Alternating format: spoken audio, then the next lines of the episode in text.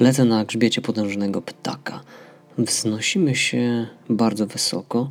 Powietrze jest mocno rozrzedzone, chłodne, ostre, spowite zawiesiną chmur. Teraz zniżamy nieco pułap i przelatujemy nad pasem skalistych, trudnych i niedostępnych gór.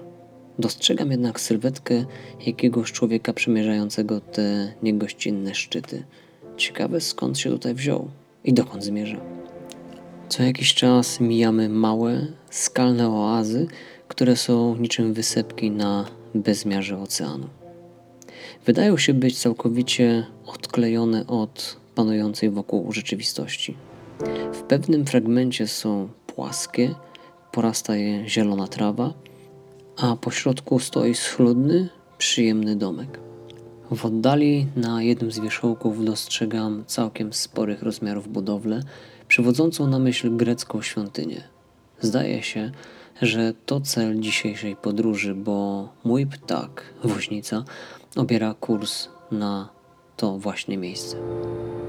Lądujemy na dziedzińcu, na którym stoją dwie osoby i które zdaje się na nas właśnie czekały.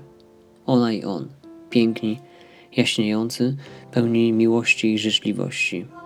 Witają nas serdecznie. Padamy sobie w objęcia, jednak ja wciąż pozostaję zdezorientowany. Nie wiem po co i dlaczego tu przybyłem.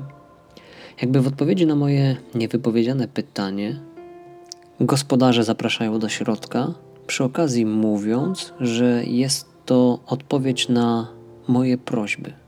Wchodzimy do przestronnej biblioteki, zastawionej dodatkowo miejscami do czytania i studiowania zgromadzonych tutaj ksiąg.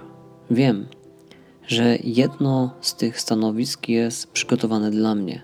Co więcej, widzę tam siebie studiującego i robiącego notatki.